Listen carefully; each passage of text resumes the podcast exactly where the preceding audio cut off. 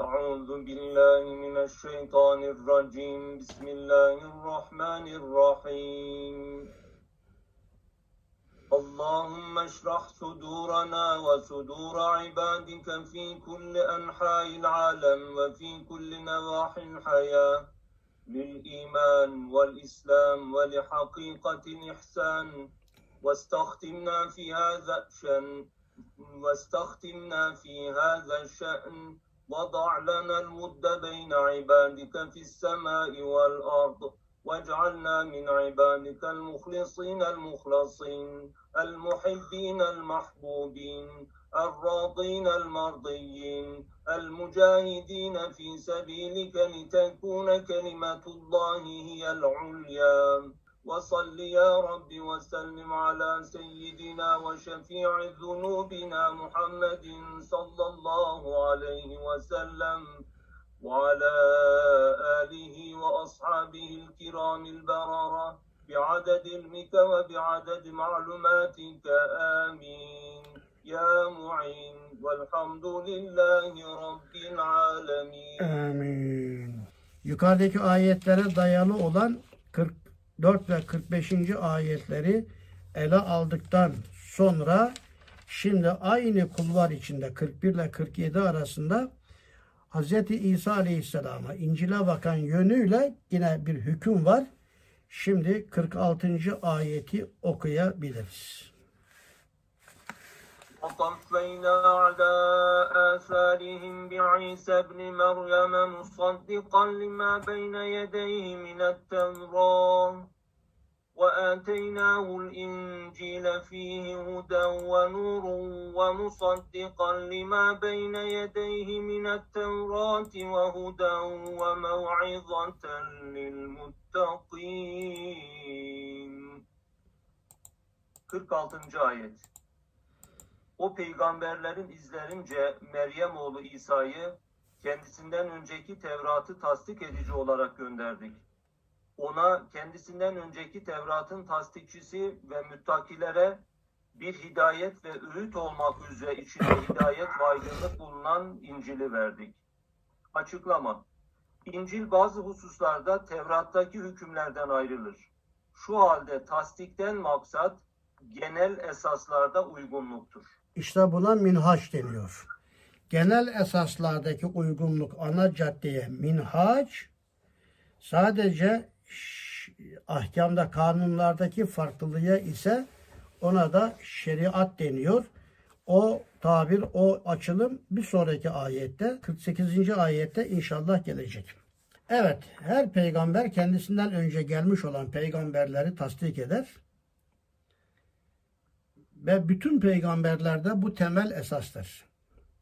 Bizim için de temel esastır. Hocalarımız şöyle derler. Hazreti Adem'den Hazreti Muhammed Aleyhisselam'a kadar her ne kadar peygamber geldi ise haktır ve gerçektir. İnkara mecel yoktur inandığımıza binaen. Buyurun eşhedü en la ilahe illallah.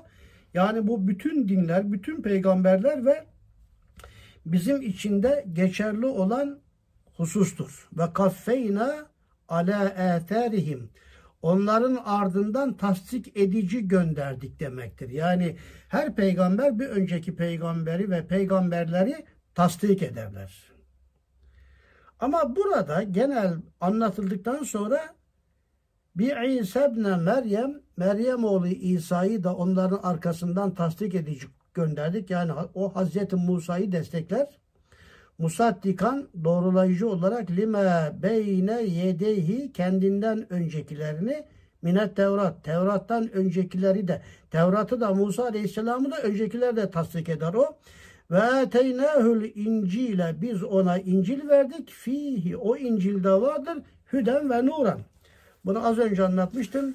Bu hüden ve nuran tabiri Kur'an-ı Kerim içinde geçtiği tekrar ediyorum Maide suresi 15. ayette başka yerlerde de var. Tevrat içinde geçtiği 44. ayette hidayet ve nur olarak burada da İncil içinde geçiyor. Demek ki aynı kaynaktan aynı güneşten kaynaklarını fikirlerini alıyorlar. Ama burada bir şey daha var. Ve musaddikan. Musaddikan iki defa geçiyor. Musaddikan yukarıda doğrulayıcı olarak burada ve musaddikan lima beyne yedeyhi mine tevra yani tasdik eden olarak kendinden önceki Tevrat'ı da tasdik eden olarak gönderdik diyor. Tasdikin burada iki defa geçmesi. Tevrat için tasdik iki defa geçmemişti. Burada iki defa geçmesi İsa Aleyhisselam'ın ayrı bir faziletine dikkat çekmek içindir. O da şundan dolayı İsa Aleyhisselam aynı zamanda kendinden sonra gelen Efendimiz'i de tasdik eden bir peygamberdir. Bu ayeti burada söylüyorum siz sonra açar bakarsınız. Saf suresi 6. ayete bakınız. Orada Efendimiz'i de tasdik ettiği için hem tasdik edip hem de müjdelediği için bu ayette iki defa tasdik kelimesinin geçtiğini görüyoruz. İsa aleyhisselam ile alakalı. Evet peygamberlerin arasında tesanüt vardır. Bir cümle daha söyleyeceğim. Hiçbir peygamber kendi fazilet ve büyüklüğünü ortaya koymak için bir önceki peygamberleri küçültmemiştir. Kötülememiştir. Hatta küçük de göstermemiştir. Mesela felsefe böyle değildir. Mesela siyaset dünyası böyle değildir. Mesela rejimler, medeniyetler böyle değildir. Her medeniyet kendinden önceki medeniyeti kötüleyerek kendini inşa etmiştir. Mesela Cumhuriyet dönemi Osmanlı'yı kötüleyerek kendini kabul ettirebilmiştir. Partiler de öyle. O parti yapamaz, o adam haylaz, bu yaramaz. Yani ben yaparım demek istiyor. Felsefe de böyledir. Ama ilahi ahlak şudur ki bir insanın büyüklüğünün ortaya konulması başkalarının küçültülmesi şeklinde olmamalıdır. Peygamberlerin ahlakı aynı zamanda ilahi bir ahlak demektir. Bir insan başka büyükleri büyülterek büyüyebileceğinin de farkında olması gerekiyor. Burada bu incelik var. Peygamberler arasında tesanüt var. Daha önceki ayetlerde de geçmişti. Bütün peygamberlerin dinleri bu manada İslam'dır. Ve şeriatlar zamanla değişebilir ama minhaç değişmez. Bu inceliğe de burada dikkat çekilmiş oluyor. Allah'ın vahyettiği kitaplar Tevrat, İncil'in asıllarıdır. Kur'an-ı Kerim'de Tevrat ve İncil'in tasdiklenmesi asıllarınadır bu. Yani beşer eliyle zamanla tahrif edilen e, noktaları biz tasdik etmeyiz. Kur'an-ı Kerim'in tasdiki bu mevzuda değildir. Ve bir semavi kitap insanlar tarafından ne kadar tahrif edilirse edilsin yine içinde sahihler kalır, doğrular kalır, tahrif edilmeyenler kalır. İşte biz ilk nazil olan aslından hala devam edip tahrif edilmeyen asıllarına kadar daha önceki bütün kitapları tasdik etmemiz bu yönleriyledir. Kur'an-ı Kerim de bu yönleriyle onları tasdik etmiştir. Kısaca bu ayetin üstünde durduktan sonra bir incelik var. Ve zaten lil müttakin. İncil müttakiler için bir vaazdır diyor. Vaaz etmenin önemine dikkat çekiyor. Peygamberler de vaizdir. Ve peygamberler İncil'in nasihatlarına dikkat edecek olursanız müttaki olursunuz gibi bağlantılar ama bu İncil'in tahrif edilmeyen yönüyle, aslı olan yönüyle Kur'an-ı Kerim burada onları met etmiş. İncil ne demek? Ne manaya geliyor? Bunu Bakara suresinde genişçe anlatmıştık. Hatta Alimran suresinde, Bakara suresinde 120 ayet Yahudilerden bahseder.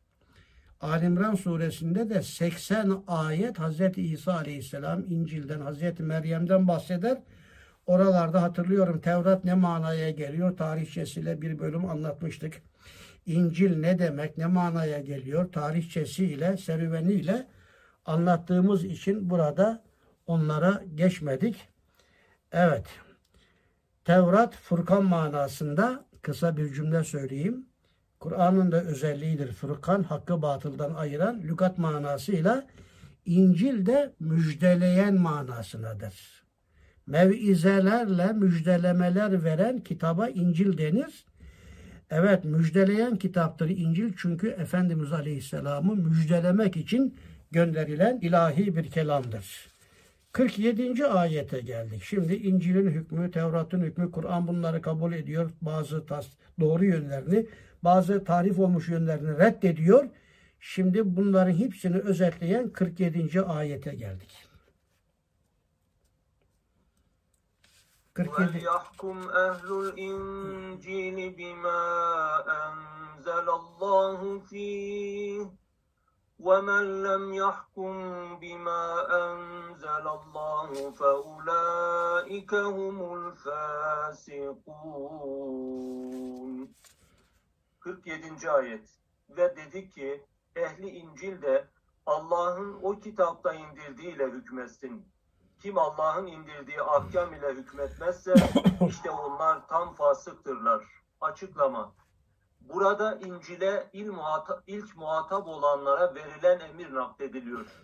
Kendilerinin uymaları istenen şeylerden biri de Hazreti Muhammed'i sallallahu aleyhi ve sellem müjdeleyen hususlardır. Evet. Bir önceki ayetlerde bu kafir, zalim, İncil'le hükmetmeyenlere de burada fasık demiş biraz daha yumuşatıcı. Tevrat'ın ahkamıyla hükmetmeyene kafir ve zalim, İncil'in ahkamıyla hükmetmeyene kafir dememiş Cenab-ı Hak burada fasık demiş. Bu öyle bir inceliktir ki Yahudilerin durumu iman noktasıyla çok daha ağır demek. İncil sahibi Hristiyanların iman noktasıyla durumu biraz daha hafif demektir. Şu manaya geliyor. Fatiha suresinin sonunda bir sırat-ı müstakimi Allah'tan istiyoruz. Bu Kur'an-ı Kerim'in yolu Efendimizin yoludur. Ama diyoruz ki gayril mağdub Allah'ım bizi mağduptan yapma. Velat dalin Allah'ım bizi dalinden de yapma. Mağdup ismi mef'uldür. Artık mühürlenmiş, tasdiklenmiş, daha değişmez. Allah'ın gadabı, laneti onlara da bunlar değişmeyecek demek. Yahudilerin imana, İslam'a girmeleri daha zor manasında. Ama velat dalin Nasaradır, Hristiyanlardır. O ismi faildir. İsmi mef'ul ile ismi fail arasındaki fark ismi mef'ul daha değişmez. O mührü yemiş. Ama ismi fail dönebilir. O fail iş yapan işinden dönebilir. Yani biraz daha İslam'a daha yakın demektir. Onun için tekrar ediyorum. Yahudiler için zalim ve kafir onlar Allah'ın hükmüyle hükmetmezse demesine karşılık burada Hristiyanlara onlar fasıktır demeleri Hristiyanlardan İslam'a geçme. Çünkü fasık sadece günahkar yani kafir demiyor. Dalin diyor. Dalin hakkında hükmü ilahi nedir? Efendimiz'e sordular. Ya Resulallah dalin hakkında Allah'ın Allah nasıl hükmeder? Buyurdu ki inşa afehu ve inşa azebehu Allah isterse affeder, isterse azap eder. Burada bir hususa itikat açısından ele almak isterim. Allah'ın indirdiğiyle hükmetmedikleri takdirde itikadi durumlarına göre kafirler var, zalimler var ve fasıklar vardır. Yukarıda söylemiştim. Bir daha farklı yönüyle tekrar ediyorum. Yani Allah'ın hükmüne iman etmekle beraber onunla amel etmeyen kimse fasık. İnanıyor, onunla amel etmiyor. Fasık. İşte Hristiyanların fasıkla burada anlatılması bizim de bugün mahkemelerde hayatımızın içinde hüküm verirken de inandığımız halde o hükümle hükmedemiyorsak fasık. Allah'ın hükmüne inanmadığı ve onu küçümsediği için onunla amel etmeyen kimse hem kafir hem fasık olur. Elmalı Hamdi Yazır'da baktım öyle diyor. Yani kafir olduğu anda fasık veya fasık iken de bir insan kafir olabilir. Hem inanmıyor hem o hükümle hükmetmiyorsa hem kafir hem fasık olur. Ancak Kur'an geldikten sonra müminler onunla amel etmekle yükümlüdürler. Çünkü bu ayette o da görünüyor. Aralarında Allah'ın indirdiği ile hükmet emri var burada. Vel yahküm sen hükmet ya Muhammed demek. Onun için Kur'an-ı Kerim'le Efendimiz hükmedecek. Yani onların İncil'deki hükümlerle onlara hüküm değil. Tevrat'taki hükümlerle onlara hüküm verme değil. Onlar gelirse Efendimiz'e Kur'an-ı Kerim'le. Ama onlar isterlerse Yahudiler Yahudi mahkemelerine, Hristiyanlar Hristiyan mahkemelerine, Müslümanlar da Müslüman mahkemelerine gitmekte serbesttirler. Ben belli bir süre 4 sene kadar Şam'da kaldım. Orada daha önce de söylemiştim bunu. Baktım mesela Hristiyanlara göre ayrı mahkemeler var. Yahudilere göre ayrı mahkemeler var. Müslümanlar da isterse Müslüman mahkemelerine gidiyor. Bu Kur'an-ı Kerim'in emridir. Yani mesela şimdi Türkiye'de Hristiyan mahkemesi diye bir mahkeme kursalar kıyamet kopar ya. Önce Müslümanlar mahkemeleri basar, binasını bile yerle bir eder. Bu Müslümanların cehaletinden kaynaklanan bir faaliyetleri, bir hamleleridir.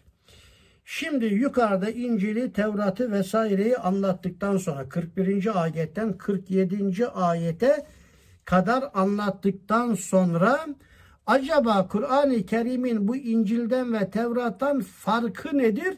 İşte 48. ayette Kur'an'ın farkına dikkat çeken bir bölüm geliyor. 48. ayeti okuyabiliriz. أنزلنا إليك الكتاب بالحق مصدقا لما بين يديه من الكتاب ومهيمنا عليه فاحكم بينهم بما أنزل الله. فاحكم بينهم بما أنزل الله ولا تتبع أهواءهم عما جاءك من الحق. لكل جعلنا منكم شرعة ومنهاجا.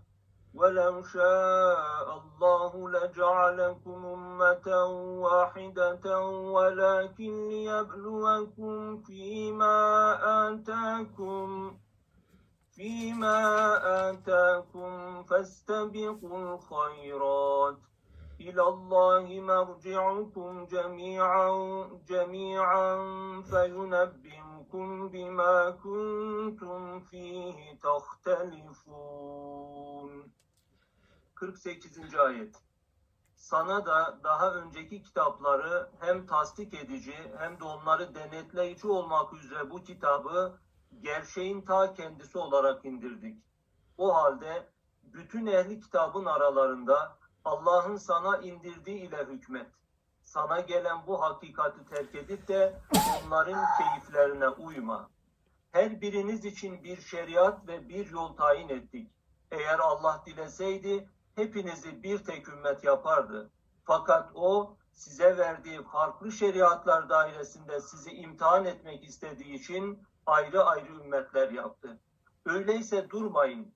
Hayırlı işlerde birbirinizle yarışın. Zaten hepinizin dönüşü Allah'a olacak. O da hakkında ihtilaf ettiğiniz şeyleri size tek tek bildirecektir. Haklıyı, haksızı iyice belli edecektir. Açıklama. Müheymin. Öbür kitaplar üzerinde denetleyici, hakem, koruyan şahit demektir. Kur'an önceki kitaplar bakımından tasdikine başvurulacak bir merci olacaktır. Kur'an'dan önce her millete ayrı hidayet, ayrı şeriat verilmişti. Kur'an ile bütün hidayet yolları birleşti. Her devrin, her milletin ihtiyacı giderildi. Evet, gayet net. Az önce de ifade etmiştim. 41. ayetten 47. ayete kadar eski kitapların fonksiyonları, hükümleri, Efendimizle, Kur'an'la bağlantıları, Efendimiz Aleyhisselam'a gelirlerse Efendimiz isterse onların hakemliğini kabul edip etmemekte serbest bırakılması anlatıldı, anlatıldı, anlatıldı. Ama onların da hüden ve nur olduğuna dikkat çekildi. Bütün bunlardan sonra Kur'an-ı Kerim'in farkı, onlara karşı üstünlüğü, fazileti ve neler yapması, Kur'an cemaatinin neleri yapması lazım geldiğine burada dikkat çekiliyor. Ve sonra genel bir prensip olarak da Cenab-ı Hak niye bu kadar farklı şeriatlar, farklı peygamberler eliyle göndermiş, onların da hikmetle, hikmetine dikkat çekiliyor. Bu inceliği anlayabilmek için yer yer Risale kaynaklarını da veriyorum. 24. sözün ikinci dalı tamamen bu hikmet noktasına teksif edilmiştir. Üstad da orada soruyor zaten niye bazı peygamberlerin veya pek çok peygamberlerin birbirinden farklı şeriatlarla gelmesi, aralarında ihtilaf etmesi diye soran saile karşı cevabını bu mantık üzerine inşa ederek onlarda esma ilahiyenin farkına, zamanların da farklılıklarına, ihtiyaca göre şeriatların da değişebileceğine hikmet açısından dikkat çekiyor. Ama ayeti başından itibaren ele alacak olursak ve enzelne biz indirdik. Bu tabir Kur'an-ı Kerim'de çok geçer. Tevrat içinde mesela 44. ayette inna enzelne tevrate demiştir. Tevrat'ı biz indirdik. İncil içinde aynı tabiri kullanıyor Cenab-ı Hak. Kur'an-ı Kerim içinde aynı tabiri kullanıyor. İnna enzelnahu fi leyletil kadr gibi İnna nahnu nezzelna zikra ve inna lehu lehafizun ayetlerinde olduğu gibi Kur'an-ı Kerim'i de biz indirdik. Allah burada Kur'an'ın inişini kendi azametine bağlaması. Ben indirdim değil de biz indirdik. Saltanat-ı ammesi hesabına her ismin en azam mertebelerinden bütün kainatla alakadar bir kitap olması yönüyle azametine izafetle biz indirdik demesi bundandır. El kitabe demiş. İleykel kitabe. Sana indirdik. El kitap başında lam tarif var. Yani şimdi Kur'an demeye gerek var mı? Sana indirdiğimiz bu işte Furkan demeye gerek var mı? El kitap deyince başında lam tarif var. Yani belli, belirlilik takısı, elif lam, el takısı deniyor buna. Mutlak zikir kemaline masruftur. Bunu ezberleyiniz. Mesela hoca efendi dendiği zaman filan hoca efendi, filan hoca efendi gibi yanında bir isim zikredilmezse mutlak hoca efendi denirse en kamili akla gelir. Hocamız akla gelir. Peygamber dendiği zaman Musa peygamber, İsa peygamber gibi yanında bir kayıt gelmezse peygamber dendiği zaman en kamili. Yani Hz. Muhammed Aleyhisselam akla gelir. El kitap dendiği zaman da filan kitap şu peygambere gelen kitap gibi bir kayıt gelmezse el kitap en kamili. Yani Kur'an akla gelir. İsmini ismini bile söylememe gerek yok. En kamil olan bu kitabı sana biz indirdik ya Muhammed demek. Nasıl indirdik? Bil hak, hak ile indirdik. İçinde çürük yok, yanlış yok, eksik yok, tahrif edilmişi yok. Kur'an-ı Kerim'in hak ile indirilmesi, Allah'ın hak isminden gelmesi Hak ismi ismi azamdır. Üstad onu 25. sözde bir tefsir içerisinde, bir ayetin tefsiri içinde söylüyor.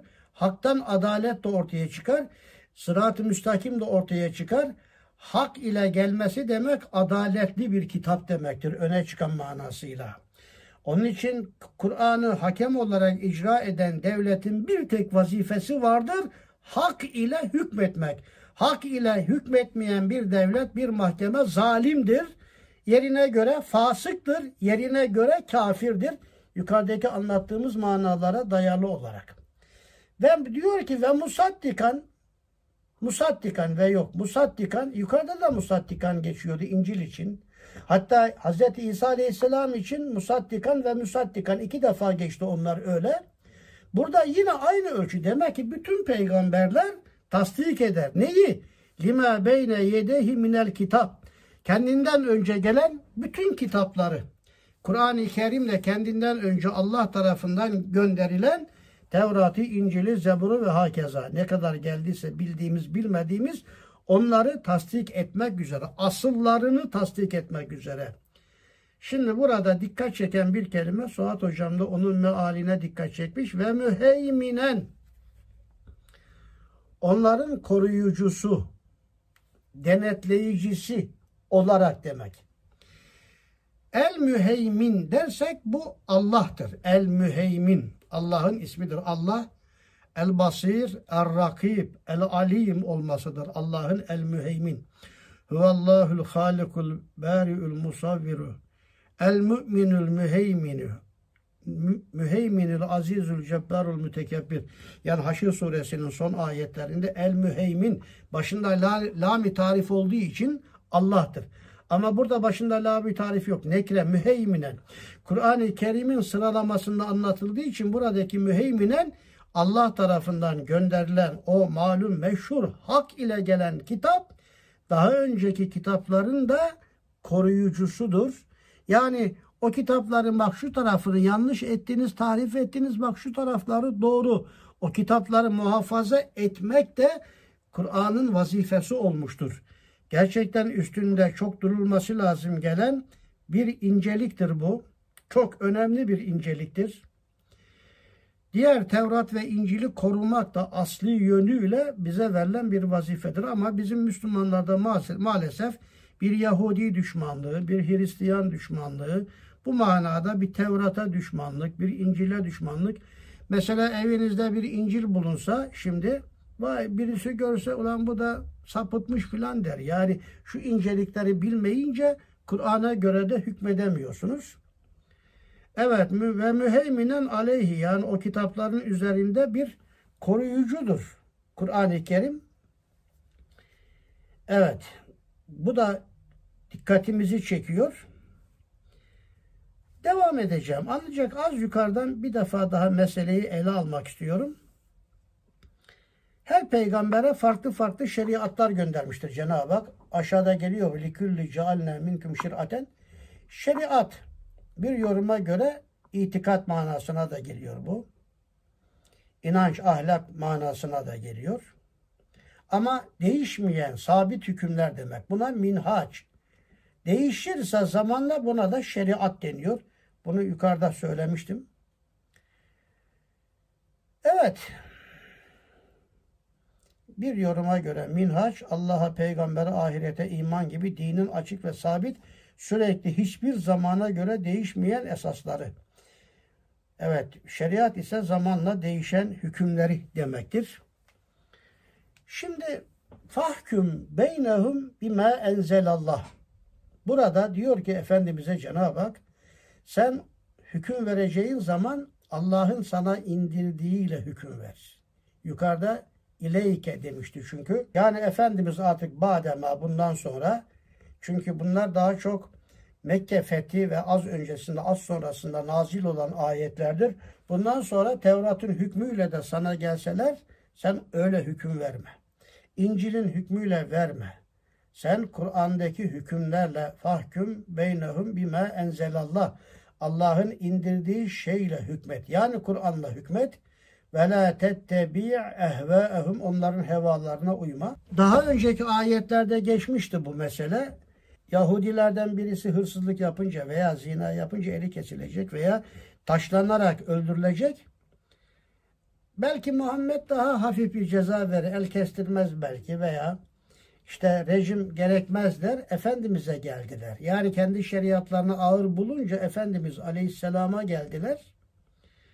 Onun için Cenab-ı Hak Efendimiz'e diyor ki وَلَا تَتَّبِعْ اَهْوَاهُمْ Onların hevalarına göre bundan sonra başka şekilde kendi şehvetlerine göre de ruhsat almak için sana gelebilirler yani. Ama sen onların hevalarına uyma. Onlara göre hüküm verme. Amme ce'eke minel hak. Açık zaten hak sana geldikten ayandan ayan, beyandan beyan olduktan sonra artık sen Kur'an'a göre hükmet. Ama onlar isterse kendi Tevrat ve İncil'lerine göre kendi mahkemelerinde muhakeme olmayı kabul edebilirler. Kısaca geçtim ve sonra ayet diyor ki burası hikmete dönük olan bir yerdir. Velev Allahu lecealekum ümmeten vahide. Allah isteseydi sizi bir tek ümmet yapardı. Bir tek şeriat gönderirdi. Bütün insanlık bununla yaşayacak derdi. Bu hikmete de terstir.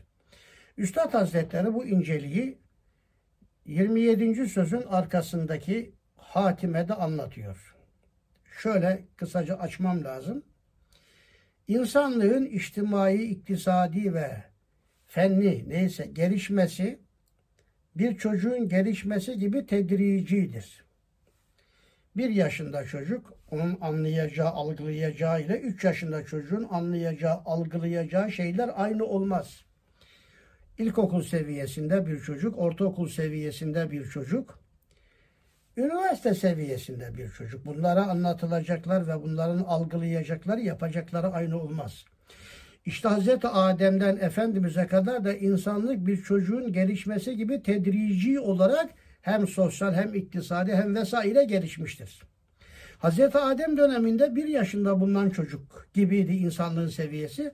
Hazreti Adem'e gelen din o bir yaşındaki çocuğun anlayabileceği seviyede bir dindi.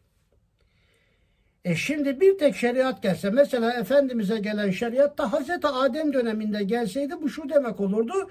Üniversitedeki matematik bölümünde anlatılan matematik dersini bir yaşında, üç yaşında, beş yaşında çocuğa anlatma gibi hikmetsiz ve mantıksız olurdu.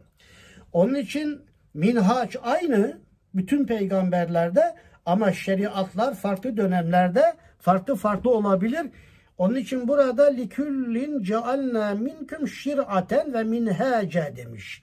Farklı farklı şeriatlar ve minhaçlar verdik. Minhacı anlatım değişmeyen inanç noktasında ibadette temel esaslar bütün dinlerde aynı. Ama şir'aten de şeriatlar. Hz. Musa'nın şeriatı yer yer mensu olmuş. Hatta Kur'an-ı Kerim içinde bile Allah bir hüküm vermiş. Yine Kur'an içinde bir o hükmü Allah nes etmiş. Mensu ayetler var demişler. Buradaki şir'aten şeriat manasında yani kanun manasındadır. Kur'an-ı Kerim'de bu şera'a street yani ana cadde, geniş yol manasında şeriat Allah'ın hükümlerinin ana yolu manasında olan bu kelime şera kökünden dört yerde geçiyor. Dört defa geçiyor daha doğrusu. Bir burada geçiyor şeriat. Bir de şera'u. Şura suresinde 21 ve 13. ayetlerde geçiyor. Bir de şurra'an olarak Araf suresi 163. ayette geçiyor. Yani dört yerde şera'a kelimesinden iştikak etmiş türevleri geçiyor. Bu da dikkat çeken bir husustur. Ben Hoca Efendi'den bunu çok duymuştum. Böyle millet şeriattan korsun diye daha çok el kesme, ayak kesmeyi öyle çıkarttılar laikçiler. Cumhuriyet döneminde milleti dinden soğutmak için şeriat mı aman ha bir gelirse a, el kol gider taşlanırız filan şeriat. Hatta Ege Üniversitesi'nde bir doçent Müslüman beş vakit namaz kılan bir doçent bir seminer vermiş. Hoca Efendi de oraya katılmışmış o zaman. Ya dinimiz çok iyi de şeriat mı Allah esirgesin demiş o doçent yani Müslüman doçent. Milleti o kadar şeriatın aleyhinde konuşa konuşa korkutmuşlar ki din iyi de şeriat mı aman Allah esirgesin. Erzurum'da çocuk uyumazsa gece bizim batıda daha farklı. Yat yat oğlum öcü geliyor filan der. Ana ana sen de öcü gelmesin. Geldiği zaman beni görmesin diye yorganı çeker uyursun. Erzurum'da da şöyle derler bu çocuk uyumadığı zaman yat yat oğlum yağlı somun geliyor boğazından geçecek. Yağlı somunun ekmeğin içine sürülmüş tereyağı yani. Çocuk bilmiyor onu korku böyle, böyle korkulu anlattığı için bir ürpertiği içinde çocuk onu kötü zannediyor yatıyor. Halbuki bilse uykusu açılır yani. İşte şeriat da böyle anlatılmış. Bir insan bal mı hmm, etse mesela millet balı ekşi bir şey zanneder. Şeriat burada şiraten nekre gelmesi de ayrıca dikkat çekiyor minhacın da. Çünkü ne kadar şeriat gönderildi, kaç tane peygamberle kaç tane şeriat geldi, ne kadar peygamberin ana yolu geldi, onların sayısının belli olmamasına dikkat çekmek için, belli olmadığına dikkat çekmek için şiraten ve minhacen nekre gelmiş.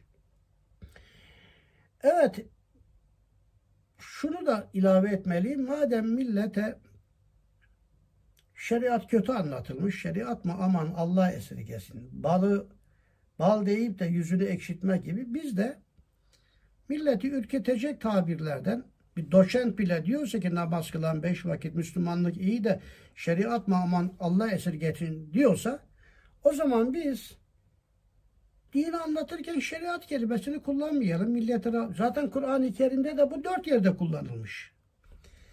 Öyleyse Kur'an'ın yaşanması diyelim, İslam'ın hakim olması diyelim, Allah'ın emirleri diyelim. Yani kullanabileceğimiz Kur'an-ı Kerim'de Kur'an-ı Kerim'in 55 tane isminden bahsedilmiştir. Kur'an-ı Kerim'de Kur'an'ın isimleri 55 farklı ayette ismi olarak geçer. O tabirleri kullanalım. Millet şeriattan korkuyorsa illa da şeriat demeyelim. Bizim o radikal İslamcılarla talebelik yıllarımızda önemli ayrıldığımız demeyelim de dikkat ettiğimiz, öne çıkarttığımız mevzular olarak bunun da üstünde duruyorduk. Allah isterse bir tek ümmet yapabilirdi. Bir tek şeriat gönderebilirdi. Hikmetine kısaca dikkat çektim. Ama Allah farklı şeriatlarla, farklı peygamberlerle bir de böyle ayetlerdeki nasih mensuhlarla, hadislerdeki nasih mensuhlarla bir şey yapacak. Velakin liyebluvekum fîmâ âtâkum. Allah size gönderdiği, verdiği hükümlerle de sizi imtihan etmek istiyor. Çok önemli bu. Evet, birbirinizle vuruşasınız diye farklı peygamberler, farklı şeriatlar göndermemiş Cenab-ı Hak. Birbirinizle çarpışasınız diye değil, birbirinizi naks etmek için uğraşasınız diye değil, Allah farklı şeriat ve farklı peygamberler, farklı ümmetler göndermekle bunları kendi arasında festabugul hayrat, hayırda yarıştırmak için. Öyleyse Yahudi düşmanlığına, Hristiyan düşmanlığına gerek yok. Yahudilerin kötü kafir vasıflarına düşman olabiliriz. Hristiyanların kötü kafir zalim vasıflarına düşman olabiliriz. Aynı kötü vasıflar ve fiiller bizde de biz Müslüman olduğumuz halde olabilir. Onlara da düşman olabiliriz. Ama mesele ahkam ilahi noktasında Allah'ın rızasını kazanmada yarışmak. Festabugul hayrat, festabugul hayrat. Sonra işte dönüşünüz Allah'a olacak. Hepinizin Allah da tek tek ihtilaf ettiğiniz mevzuları anlatacak. Biz birbirinize ne kadar tekfir ettiyseniz, ne kadar tefsik etti, fısk ile itham ettiyseniz, ne kadar zalim dediyseniz, hanginiz haklı, hanginiz haksız, bütün bu ihtilaf ettiğiniz mevzuların hepsini Allah size haber verecektir diyerek mesele hikmet açısından da ifade edilmiştir. Evet, bu mevzuda da daha geniş şeyler anlatılabilirdi. Buyurun, 49. ayet. وأن يحكم بينهم بما أنزل الله ولا تتبع أهواءهم واحذرهم أن يفتنوك عن بعض ما أنزل الله إليك. فإن تولوا فاعلم أنما يريد الله أن يصيبهم ببعض ذنوبهم. وإن كثيرا من الناس لفاسقون 49. ayet Ve şu emri indirdik. Aralarında Allah'ın sana indirdiği ahkam ile hükmet. Onların keyiflerine uyma ve Allah'ın indirdiği hükümlerin bir kısmından seni caydırmalarından sakın. Şayet yüz çevirirlerse bil ki Allah onları bazı günahlarından dolayı musibete uğratmak istiyordur. Zaten insanların birçoğu Allah'ın emrinden dışarı Allah'ın emrinden dışarı çıkmaktadırlar. Bu 49. ayette yukarıdaki ayetlerle tabii ki bağlantısı var. Kur'an'ın farkına da dikkat çekiyor. Bu ayetin bir nazil olma sebebinden de bahsediliyor. Yahudilerin ileri gelenlerinden bir grup Efendimiz Aleyhisselam'ı yanıltmak veya ona yanlış hüküm verdirmek maksadıyla şöyle demiş. Ey Muhammed bilirsin ki biz Yahudilerin bilginleri ve eşrafıyız. Biz sana tabi olursak bütün Yahudiler de sana tabi olur. Şimdi bizimle hasımlarımız arasında bir dava var. Davayı sana getirelim sen de bizim lehimize hüküm ver. Efendimiz de pazarlık yapıyor. Lehimize hüküm verirsen biz de sana iman ederiz. Böylece Yahudiler de arkandan gelir demek istiyorlar. Yani torpil geç bize. Bizim aleyhimizde hüküm verme. Biz iman edersek Yahudiler de arkamızdan gelir. Bu son cümleleri doğru. Çünkü her büyük zatın hayatında söylemiş olduğu bir son sözü vardır. Mesela Üstad bu siyasiler beni anlayamadılar demiş. Fi tarihinde Hoca Efendi'ye sormuştum da bunu doğru söylemiş. Hala anlayamadılar. Hala da anlayamadılar ya dedi. Öyle bir kitap var. Büyüklerin son sözleri diye bulursanız okuyun. Efendimiz Aleyhisselam'ın da son sözlerinden bir tanesi Bu Yahudi, Yahudi ulemasından 10 kişi bile bana iman etmedi. Eğer 10 kişi iman etseydi Yahudiler ümmet olarak arkamdan gelecekti. 9 tane iman etmiş. Bir kişi daha iman etseydi tarihin e, şekli değişecekmiş kader açısından, sebep açısından. İşte Yahudiler de bunun farkında yani. Onun için Efendimiz Aleyhisselam'a gelmişler. Bizim aramızda şöyle münazalı bir mesele var. Neyse o? Sen onu bizim lehimizde hüküm ver de Tevrat'ta onların aleyhinde hüküm var. Kaçıyorlar. Belki Muhammed Aleyhisselam hafifletir. Efendimiz'den de rica ediyorlar. Diyorlar sen bizim lehimizde hüküm ver bir din olarak. Biz de iman edelim sana. Lehinde hüküm verse iman edecekler mi etmeyecekler mi belli değil. Bu ayrı bir şey. Münafıklık da yapıyorlar. Münafık tehlikeli, Yahudi tehlikeli. Şu cümlemi ezberleyin. Yahudinin münafıklaşması çok daha tehlikelidir. Ve Efendimiz Aleyhisselatü Vesselam'a böyle deyince işte bu ayet bu münasebetle nazil olmuştur. Sakın ha, sakın ha, sakın, sakın manasında burada ve en yahkum beynehum bima enzelallah ve la tettebi' ehvâehum.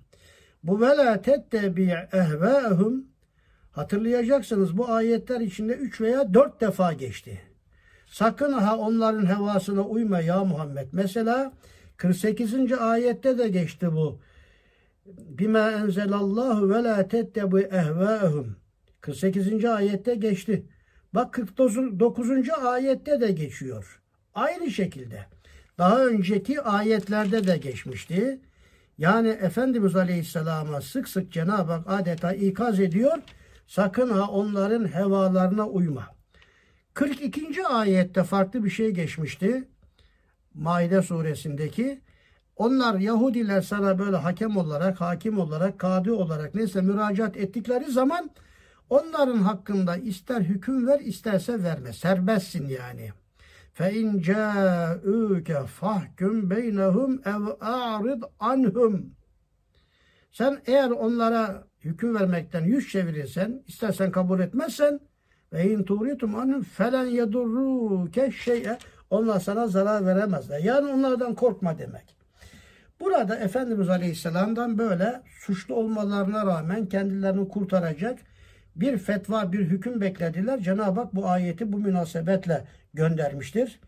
Ve sakın ha onların hevalarına uyma demiştir. Ve bir şey daha var. Vahzerhum eyyeftinüke an ba'di ma enzelallahu ileyk. Sana Allah'ın indirdiği şeyle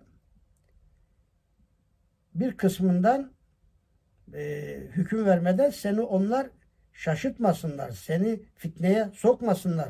Böyle bir şey yapmalarından da sakın dedi. Cenab-ı Hak Efendimiz Aleyhisselam'ı burada ikaz ediyordu. Evet Medine Yahudileri her fırsatta İslam'a karşı tavır aldıkları ve Müslümanlara ihanet ettikleri için başlarına bela açmışlar. Bir kısmı öldürülmüş çünkü ayette o var. Yani eğer sen onlar hakkında hüküm verirsen Efendimiz verebilir. Kur'an'a göre verecek.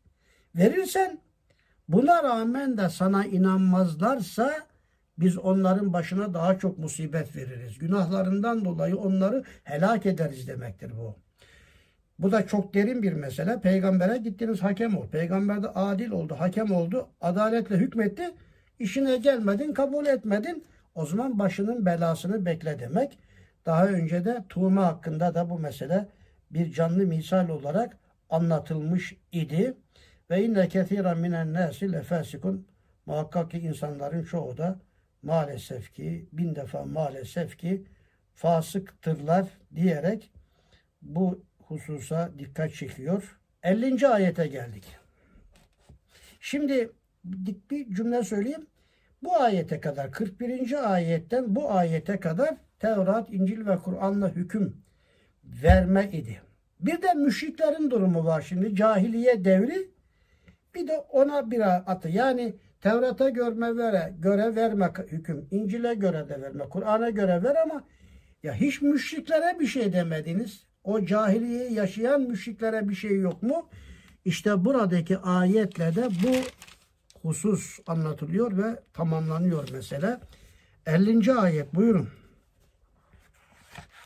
فحكم الجاهلية يبغون ومن أحسن من الله حكما لقوم يوقنون 50. ayet Yoksa cahiliye devrinin hükmünü mü istiyorlar?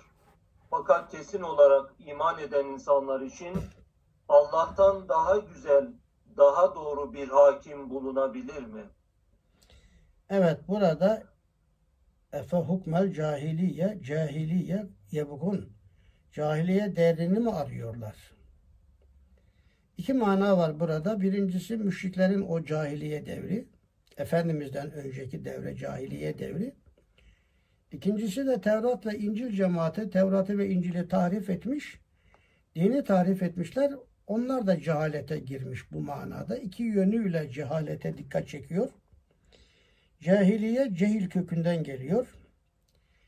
Cehil kelimesi Ragıb'ın müfredatında şöyle geçiyor tarifi. Bilgiden yoksun olmak, bir konuda doğru olanın tersine inanmak, yapılması gerekenin tersine yapmak olarak tercüme edilmiş. Ve Kur'an-ı Kerim'de o cahiliye devrini hatırlatan, bu tabiri kullanan dört yerde dört ayet var. Bir tanesi Ali İmran suresi 154. ayette. Üstad da bunu 25. sözde yarım sayfa Kur'an'dan yarım sayfa bir ayet almış ebcedi harf değerleri yaptığı yerde ثُمَّ اَنْزَلَ عَلَيْكُمْ مِنْ بَعْدِ الْغَمِّ اَمَنَةً نُعَاثًا يَوْشَى طَائِفَةً مِنْكُمْ ilahir ayetinde yezunnune billahi gayrel hakkı zannel cahiliye olarak zannel cahiliye Allah hakkında cahiliye devrindekine benzer gerçek dışı şeyler düşünüyorlar demek. İkinci olarak Maide 50 burada geçiyor işte Efe hukmel cahiliye. Bir de Ahzab suresinde sahabi kadınlarının açık ve saçık sokağa çıkmaması, tesettürle alakalı ayette cahiliye kadınlarına atıf yapılarak ve la teberrecine teberricel cahiliyetül ula ayetinde geçiyor. Birinci cahiliye devri kadınları gibi diyor. Birinci deyince ikinciyi hatırlatır. İkinci bir cahiliye devri gelecek ahir zamanda. Onun da alameti kadınların sele serpe sokağa çıkmış olmaları olarak gösteriliyor. Bir de Fetih suresi 26. ayette hamiyetel cahiliye tabiriyle cahiliyeden bahsetmiş. Bu da kana, ırka, kafa tasçılığa dayalı ırkçılık cahiliyeti hala bugün var. İşte Kur'an-ı Kerim'de ısrarla dört yerde bu cahiliyeden bahsedilmiştir. Efendimiz'i ikaz ediyor Cenab-ı Hak. Bir önceki ayete bağlı bu. Sakın ha sakın manasında sana indirilen şeyle hükmet onların heveslerine tabi olma. Onları memnun etmek için ahkam-ı ilahiden taviz verme demektir. Bu günümüze de çok bakıyor. Biz mesela böyle medeniyet, dünyada geçerli kanunların bir kısmı Kur'an'la ters düşünce medeniyetin dediklerini esas alıyoruz. Kur'an-ı Kerim'in hükmünün sağından solundan yontarak kendimizi zorlayarak aslında canım Kur'an da böyle demek istiyor diyoruz. İşte bu dinden tavizdir. Kur'an'da Allah ne anlattığı ise hüküm odur yani. Mesele odur. Ne bir harf fazla ne bir harf eksik. Önemli olan onun mantığını kavrayabilmektir. Bu günümüze de bakıyor bir ayet. Bu ayet medeniyetin fantazilerine bakarak mesela Kur'an'da da layıklık var canım. Var bazı yönleriyle de. Aslında Kur'an-ı Kerim'de mirasta şöyle demek istiyor canım. Yani bunlar böyle devleti moderniteye esas alıp Kur'an'ın sağından solundan yontup Kur'an'ı küçültüp onlara uydurmaya çalışmak bu felakettir. Bu felaketi İslam dünyası tarihte yaşadı. Mesela Me'mun devrinde Abbasiler devri Mutezile'nin hakim olduğu bir dönem. Kur'an-ı Kerim yedi kat semavat diyor. Seb'a semavat, seb'a semavat. Bu tabir Kur'an'da yedi yerde geçer. E o günkü Yahudilere göre yani Mutezile'ye göre veya Kriko-Roma medeniyetine göre daha doğrusu Kriko-Roma medeniyetine göre semavat dokuz kabul ediliyordu. E devletin resmi mezhebi Mu'tezile. Mu'tezile Kriko-Roma medeniyetini tercüme etmiş. Me'mun devrinde pek çok Yahudi, İsrail esatiri İslam içine girmiş, hakim olmuş. E onlar semavat dokuz diyor. E biz yedi dersek şimdi Kur'an yedi diyor dersek Kur'an ikinci planda kalacak. İlmin devrin dışında kalacak. E, biz de bunu dokuz yaparız dediler yani. E zaten Kur'an-ı Kerim seb'a semavatı açıktan söylüyor. Yedi kat sema. Başka yerde Cenab-ı Hak arştan bahsediyor. Etti sekiz. Bir de kürsüden bahsediyor. Etti dokuz. Aslında canım Kur'an da semavat dokuz demek istiyor dediler. Buna gerek yok. Bu ayette işte buna dikkat çekiyor. Ve la tettebi ehvâhum ısrarla tekrar edilmesi öyle başkalarını memnun etmek için biraz yumuşatmak, kendinize çekmek için ha sakın ola ki ha dini ahkamdan taviz vermeyin. Allah ne demişse o manasında buna dikkat çekiyor. Bu ayet Nadir oğullarıyla alakalı nazil olduğu da rivayet ediliyor. Burada cahiliye teriminin sadece İslam'dan önceki dönem değil, Yahudilerde, Hristiyanlardaki bazı fasıllar için değil, aslında her dönemde, her cemaat arasında, her medeniyette, her devlette o cahiliye dönemindeki ölçüler nelerse, o ölçüler varsa o döneme de devri cahiliye denebilir. Bugün Amerika'da da devri cahiliye vardır, Türkiye'de de vardır, dünyanın pek çok yerinde de vardır. İşte ırkçılık, kana dayalı ırkçılık, hamiyetel cahiliye, cahiliye hamiyeti yani kavim ve kabilecilik, ırkçılık, kan bağı öne çıkması. E bu da bir cahiliye hem de Türkiye'de bir siyasi parti olarak da var. Yani devri cahiliyedir bunlar. Böylece biraz yavaş gittik gibi ama bundan daha süratli anlatıldığı zaman da pek çok şeyin kaçacağını düşündüm. 7 ayet üstünde durabilmişiz. Ali heyetinize teşekkür ediyorum. Cenab-ı Hak Kur'an'ı gerçekten anlamaya muvaffak kılsın bizi. Biz Kur'an'ı anlayamıyoruz. Cenab-ı Hak kitabını anlamaya, anladıklarımızı yaşamaya, yaşatmak için yaşamaya muvaffak kılsın. Amin. Bi hurmeti seyyidil murselin velhamdülillahi rabbil alemin.